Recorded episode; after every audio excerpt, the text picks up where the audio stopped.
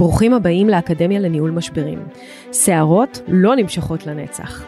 אני אימי בחורבוני, עורכת דין לענייני משפחה, מאמנת ומומחית לניהול משברים. וזה הפודקאסט שילמד אתכם איך להתמודד עם כל משברי החיים. נפגוש אנשים שעברו משברים מכל הסוגים. נלמד מהם איך צלחו את המשברים שלהם, איך אפשר לנהל את המשברים שלנו אחרת ולצאת מהם לא רק על הצד הטוב ביותר, אלא גם חזקים וחסינים הרבה יותר. הנה, מתחילים. ברוכים הבאים לפודקאסט האקדמיה לניהול משברים של עורכת הדין אימי בחורבוני. אני תמיד מזכירה לכם ששערות לא נמשכות לנצח, השערה הזו לא תימשך לנצח. אבל אמ, אין מה לעשות, אנחנו כרגע בלב ליבה של שערה, מה שנקרא בעין השערה.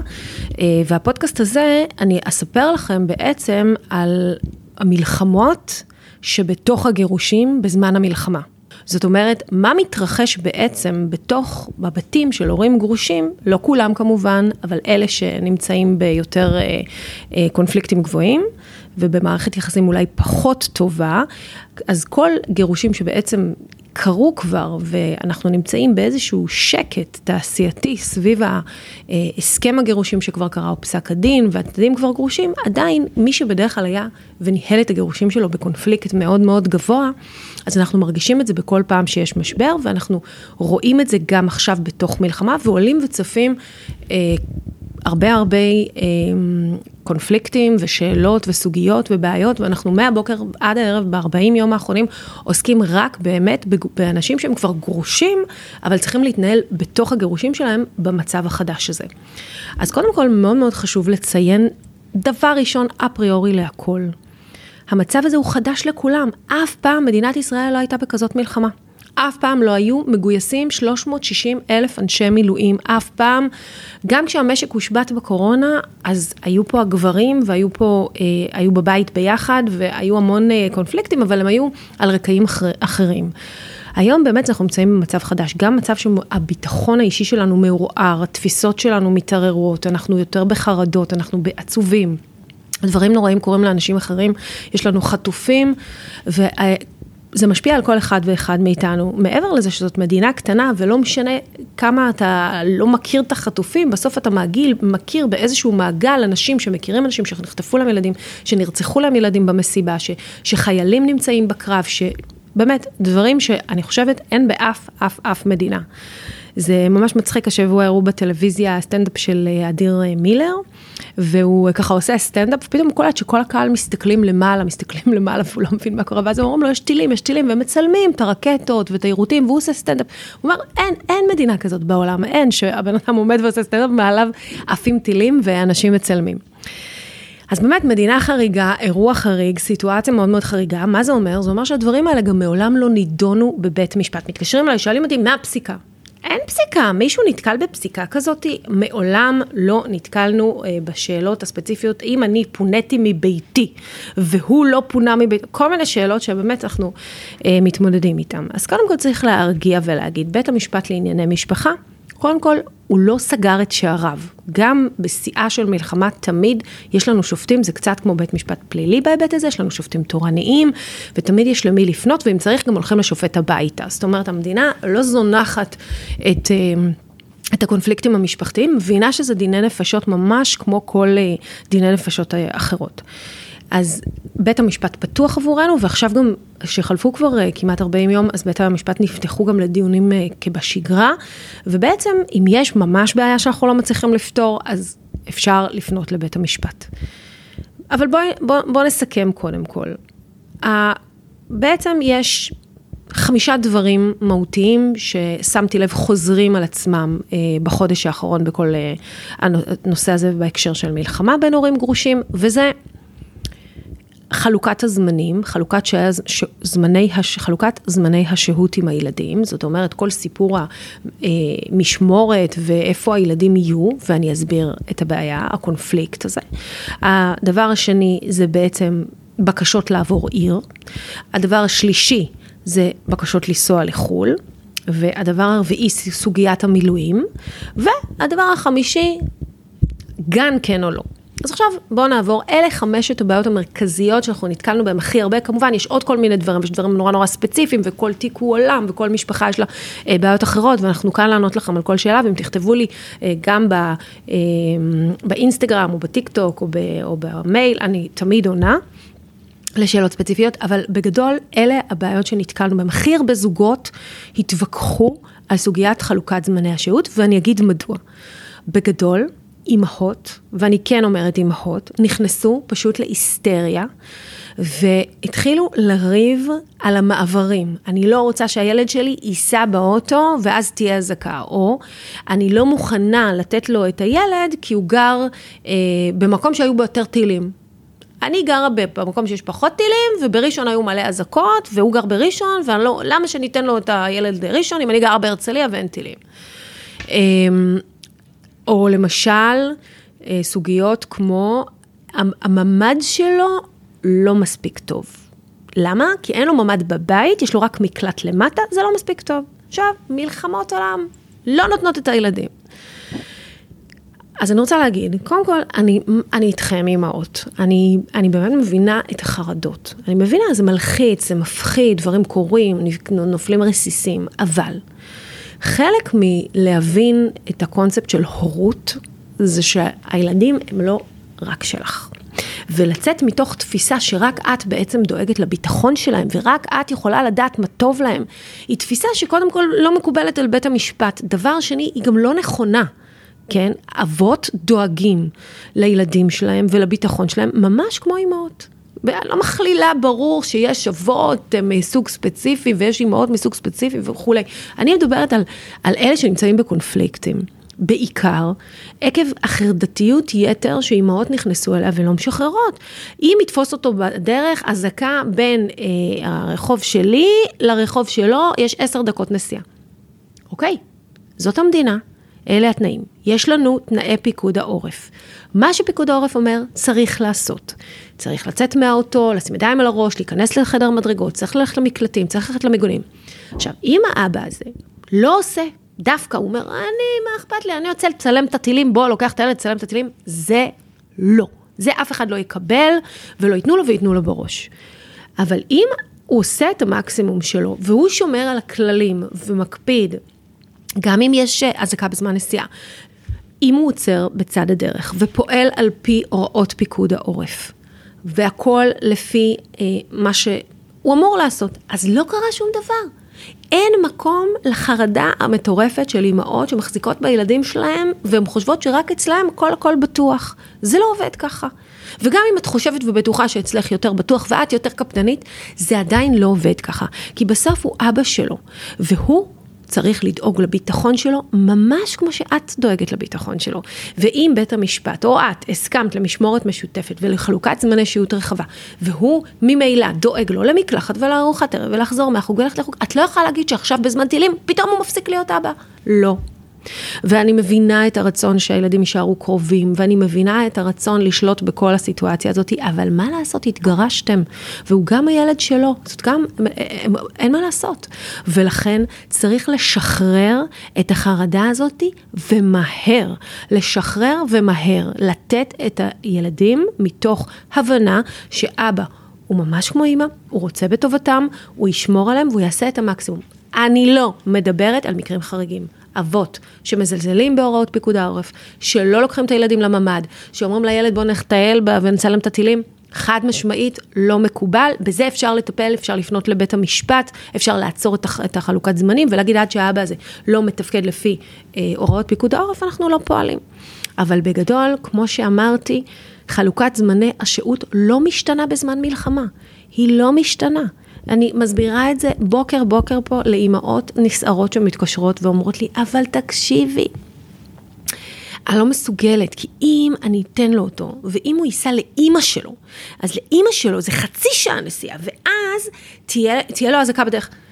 בסדר, אני, אני באמת מבינה את זה, אבל אין דרך אחרת.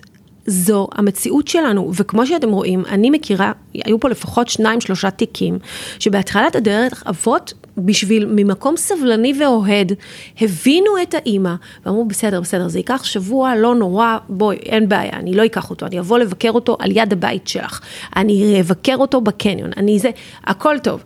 אבל כשהדבר הזה מתארך, ואנחנו כבר 40 יום לתוך האירוע, וכל מה שאנחנו שומעים זה שהמלחמה תהיה ארוכה, המלחמה תהיה ארוכה, אז לדרוש מאבות לא לקחת את הילדים שלהם עכשיו, כי יש מציאות חדשה, לא. את, אתם יודעים מה אומרים, מה, מה אומרים לי אבות? אז למה ש, שהיא לא תיקח? שהילד לא ייסע, הוא יהיה רק אצלי. אז בואו, חלוקת זמני השהות לא תשתנה, מה שהיה הוא שיהיה, כל עוד עומדים באמת בנושא הזה של אה, פיקוד העורף. עכשיו, הקונפליקט השני, הדילמה השנייה, הבעיה הגדולה השנייה, היא העברת עיר. אני רוצה לעבור לעיר.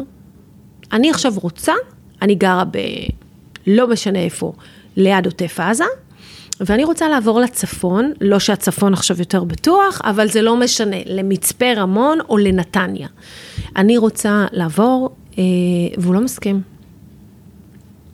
אז קודם כל, צריך להבין שהבקשה לעבור עיר, שברור לכולם שהיא בקשה זמנית, אני לא אומרת לעבור לגור עכשיו, וזה בכלל פודקאסט אחר, העברת מקום מגורים, שינוי מקום מגורים, זה לא יקרה אה, על הדרך, כן? זו בקשה, זו תביעה, צריך לדון בה, אבל בקשה זמנית לעבור עיר בשל העובדה ש...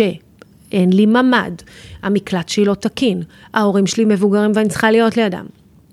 אם, אני מעדיפה להיות בנתניה כי יש שם פחות טילים, אני, הילד שלי חרדתי וזה מוציא אותו מאיפוס, ואם אני נמצאת במקום שיש בו יותר אזעקות, הילד מגיב בצורה יותר קשה.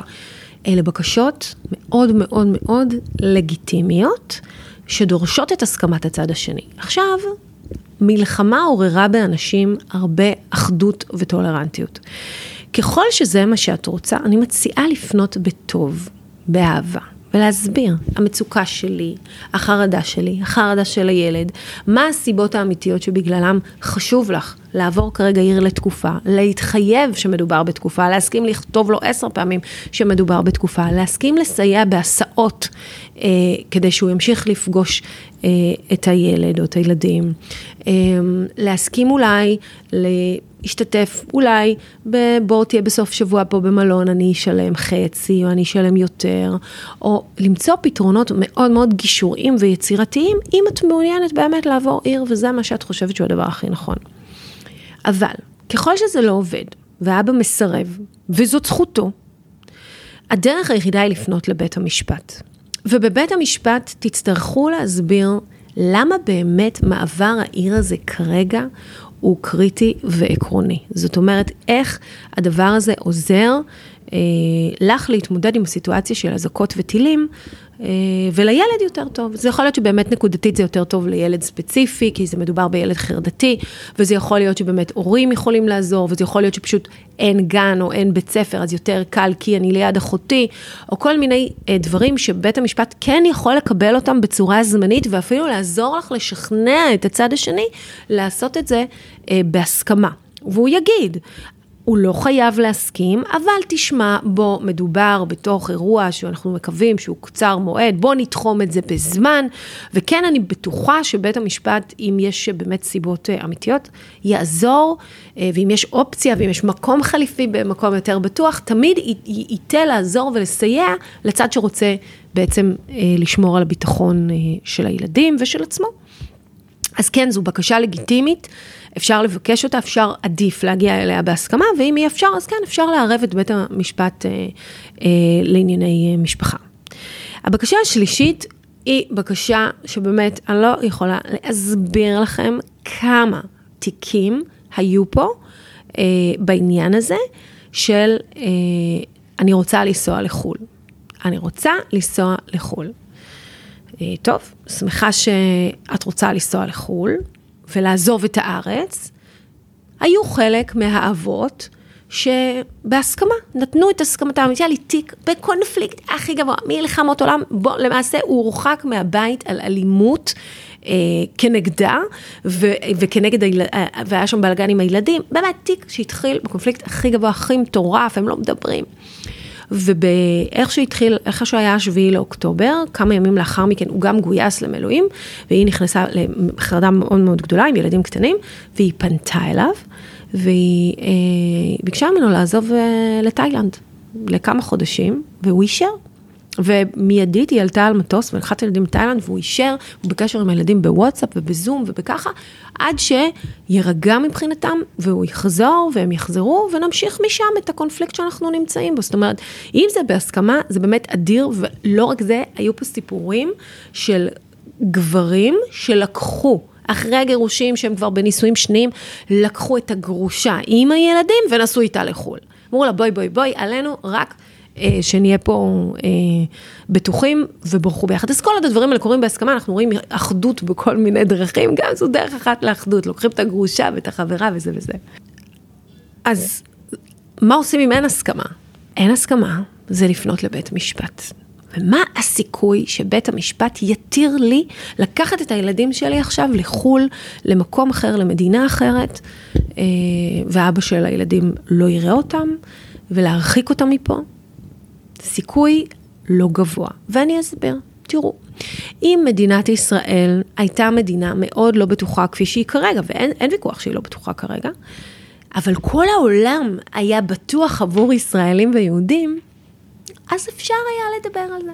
אבל אני מכירה ילד מהכיתה של הבן שלי, שההורים שלו החליטו לנסוע לאיזושהי מדינה סקנדינבית, כן, דנמרק או משהו כזה, אה, ולברוח לשם. וכעבור חודש ברחו חזרה לישראל בשל אנטישמיות והפגנות של האסלאם הקיצוני. ואנחנו רואים, אנחנו רואים את ההפגנות בלונדון, ואנחנו רואים את המוסלמים בפריז, ואנחנו רואים מה הולך, ואנחנו גם רואים אזהרת מסע חד משמעית של המל"ל שאומרת, ישראלים אל תיסעו לחו"ל. בסיטואציה כזאת אי אפשר לבקש מבית המשפט שיגיד ויבחן שאכן כדאי לנסוע למדינה אחרת. לא, לא כדאי לנסוע למדינה אחרת, פה לא בטוח, אבל מי אמר שבטוח במקום אחר? ובטח לא במחיר שהאבא לא יראה את הילד עכשיו, בגלל שאת החלטת לקום ולנסוע למדינה אחרת. אז הסיכוי לדבר כזה הוא באמת הכי נמוך. אני בכלל לא הייתי הולכת לבית משפט על דבר כזה, ושכנעתי פה הרבה מאוד נשים לרדת מבקשה כזאת ולה, ולהעביר אותה לפסים גישוריים של בקשות דרך המשפחה שלו, או להראות אלטרנטיבה באמת באמת בטוחה. או באמת להציע להצטרף, וכל מיני דברים מהסוג הזה שיאפשרו הסכמה. כי לא בהסכמה אתה לא יכול להעלות את הילדים שלך למטוס, בטח לא כשאתה גרוש, כי אם את מצליחה להעלות את הילד אל המטוס וטסה למקום אחר, בלי הסכמה זו חטיפת ילדים על פי אמנת האג, ואפשר להוציא לך צו מעצר של האינטרפול, והילד יוחזר, ואז גם ייקחו לך את המשמורת על הילד, כי את לא רואה את ה... מקום של האב ואת החשיבות שלו, ואת בעצם פועלת בניגוד לחוק אה, האפוטרופסות, שמחייב החלטות אה, החלטות כבדות במה שקשור לילדים, כמו חינוך, רפואה, מקום מגורים וכולי, אה, שהן יהיו החלטות משותפות על ידי שני ההורים. את לא יכולה פשוט לקחת את הילדים. זה אירוע שלא יכול להיות. אז נסיעה לחו"ל חברות שלי ואהובות שלי, שכחו מזה, לא הייתי עושה את זה, לא בהסכמה, והאמת, אני אגיד לכם, לאן ניסע? פשוט לאן ניסע? אה, אוקיי, סוגיה נוספת שעולה, שהיא סוגיה באמת אה, לא נוח כל כך לנהל אותה, גם פנו אליי כמה נשים וכאילו היה לי מאוד מאוד קשה. אה, מצד אחד אני מבינה אותה, מצד שני קשה לי, קשה לי אפילו לחשוב לתקוף איש מילואים כזה, ואני אסביר.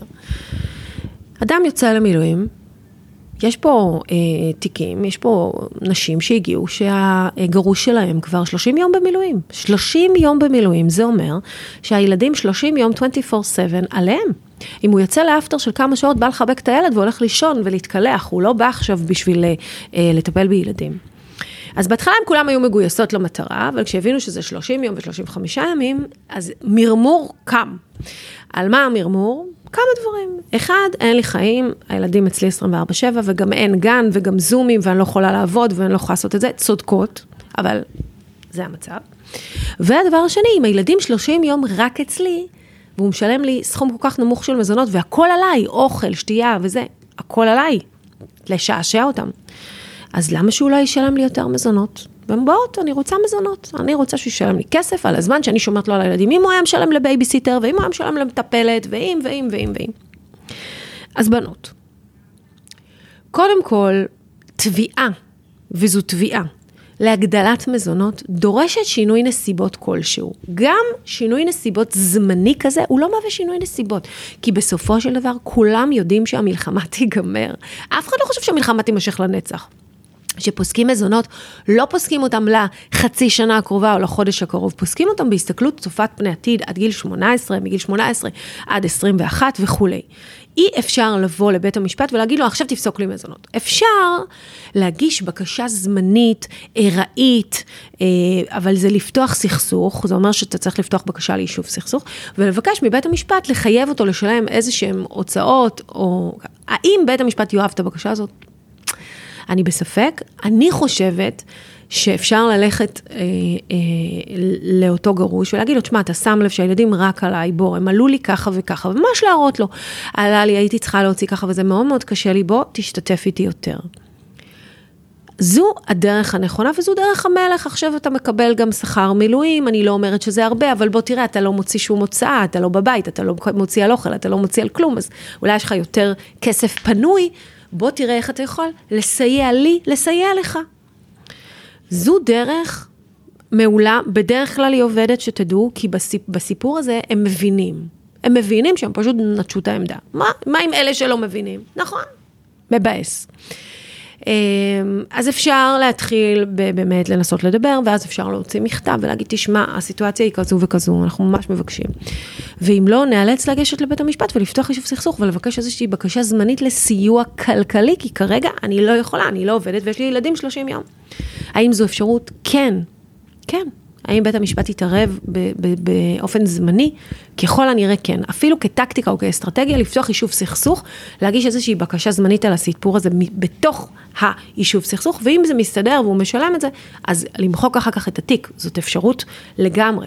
מנסים לא להגיע לזה, זאת אומרת, זה אמצעי קיצון להגיע עכשיו ולבקש מבית המשפט אה, כסף על זמן מילואים, כשאנחנו יודעים שזה עומד להיגמר וזה עניין זמני, עדיף לעשות את זה בטוב. אה, אבל אי אפשר לשנות את המזונות על בסיס זה שמישהו יצא למילואים, זה חייבים להבין. והדבר החמישי, כן גן, לא גן. אמהות באו לכאן, אמרו לי, תשמעי, הגן לא ממוגן. אני, הממ"ד של הגן לא טוב.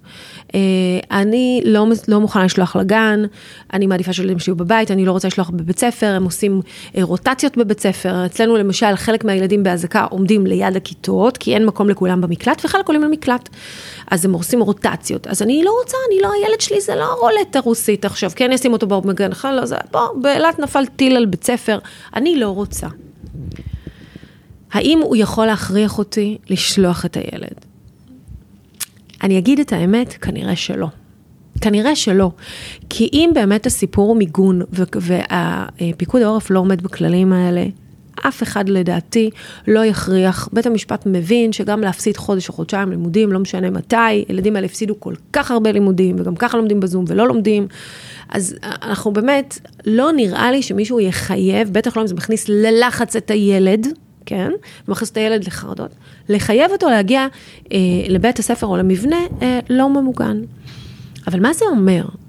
זה אומר שבזמן שהילד לא הולך למסגרת, מי מטפל בו? את לא יכולה להגיד לו, תשמע, יש מסגרת, אני החלטתי לא לשלוח, ואתה תטפל בו. לא. זאת אומרת שצריכה להילקח פה, את צריכה לשלם איזשהו מחיר, שצריך להחליט אם את בטוחה שאת רוצה לשלם את המחיר הזה. כי הילד בסוף ייפול על כתפייך. ולכן, צריך לבדוק טוב טוב אם בכל זאת יש אפשרות לשלוח למסגרות. מילה אחת כאימא. אמ, יש משהו במסגרות שהוא הרבה מעבר ללימודים. כל הנושא הזה של חברות, ולראות ילדים אחרים, ולראות איך ילדים אחרים מתמודדים עם המצב, ולתת להם לגשדר עלינו ההורים, אה, אה, וקצת להוציא אותם מתוך הסיפור הזה של התקשורת ושל המצב ומהמסכים, אני חושבת שהמסגרות עכשיו הן ברמה של בריאות נפשית. וברמה של בריאות נפשית, בהיבטים אמ, ההתפתחותיים של הילדים שלנו, ולא בהיבטים החינוכיים. באמת, בוא, הילדים לא לומדים כלום בבית ספר, לא נעים לי להגיד, הילד שלי בי"א מהקורונה לדעתי הם לא לומדים. אבל, אה, אבל יש חשיבות לבית ספר שהיא מעבר ללימודים. וזאת חשיבות שאסור להקל בראש, וצריך לדעתי לעשות מאמץ כן לשלוח, אוקיי? אמ, אני חושבת שיש לבית ספר תרומה ענקית על ההתפתחות שלנו. אה, כאנשים, כמי שמנהלים אה, עימותים, כמי שמנהלים ויכוחים, כמי שמנהלים את עצמנו בהתארגנות, אה, באכזבות, בציפיות. יש, בית ספר זה עולם. ולא הייתי מוותרת על זה. אז לחשוב טוב טוב לפני שלוקחים החלטות כאלה, וקצת לנשום עמוק. כי אתם יודעים כבר שסערות לא נמשכות לנצח, וגם הסערה הזאת תחלוף, המלחמה הזו תיגמר. זה ברור. האם יהיה יותר גרוע לפני שיהיה יותר טוב? יכול להיות. האם יש לנו מה לעשות בעניין הזה? לא. האם אנחנו מנהלות את המלחמה? האם אנחנו יכולים להפסיק אותה? האם אנחנו אחראיות על המבצע? לא. אז בואו נשלוט במה שאנחנו יכולים לשלוט. קודם כל בחרדות שלנו, ונרגיע, בשביל הילדים שלנו, וננרמל, ורק אם יש בעיות אמיתיות ואקוטיות, נפנה לבתי משפט למשפחה בעידן הזה, ועדיף קודם כל לנסות להגיע להסכמות עם הצד השני, בכל מה שקשור לקונפליקטים שקשורים למלחמה ולתקופה הזו. אז אני מאחלת לכולנו בשורות טובות וימים שקטים, ושרק נחזור לנורמליות ולשגרה שלנו, ושהשגרה שלנו תהיה הרבה יותר טובה ממקודם, אבל שבטח לא יהיה לנו קונפליקטים בתוך הגירושים שקשורים גם למלחמה, כי באמת, למי יש כוח? אמ, זהו, אני הייתי עורכת דין נעימי בכור בוני, זאת האקדמיה לניהול משברים. אנחנו כאן איתכם לכל משבר, ואם יש משהו שאתם רוצים שאני אדבר עליו, תכתבו לי, תשלחו לי, אה, תעקבו אחרינו, תלחצו לייק, תעקבו אחרינו בפודקאסט, אה, באפל פודקאסט, בספוטיפיי, אנחנו גם באינסטגרם ובטיקטוק. אה, יאללה ביי, שיהיו ימים טובים.